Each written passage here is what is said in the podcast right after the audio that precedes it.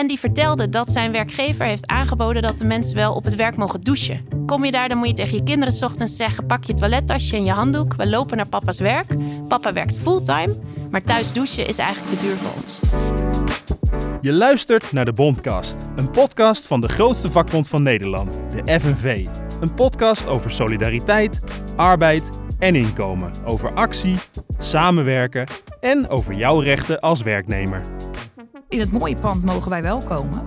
Maar dit pand waar geen ramen in de slaapkamers zijn... waar de schimmel uh, overal is, uh, inclusief de insecten... Daar, daar, als we daar, zodra we daar één voet uh, binnenzetten... dan is het al bewaking in je nek. Ja, kijk, en, en daar ligt ook een deel van mijn ongeduld... als ik het over dit soort dingen heb. Dan gaat echt wel dat ik er pissig over kan worden. En ik denk, we zullen nog iets harder met elkaar aan de bak moeten... in georganiseerd verband.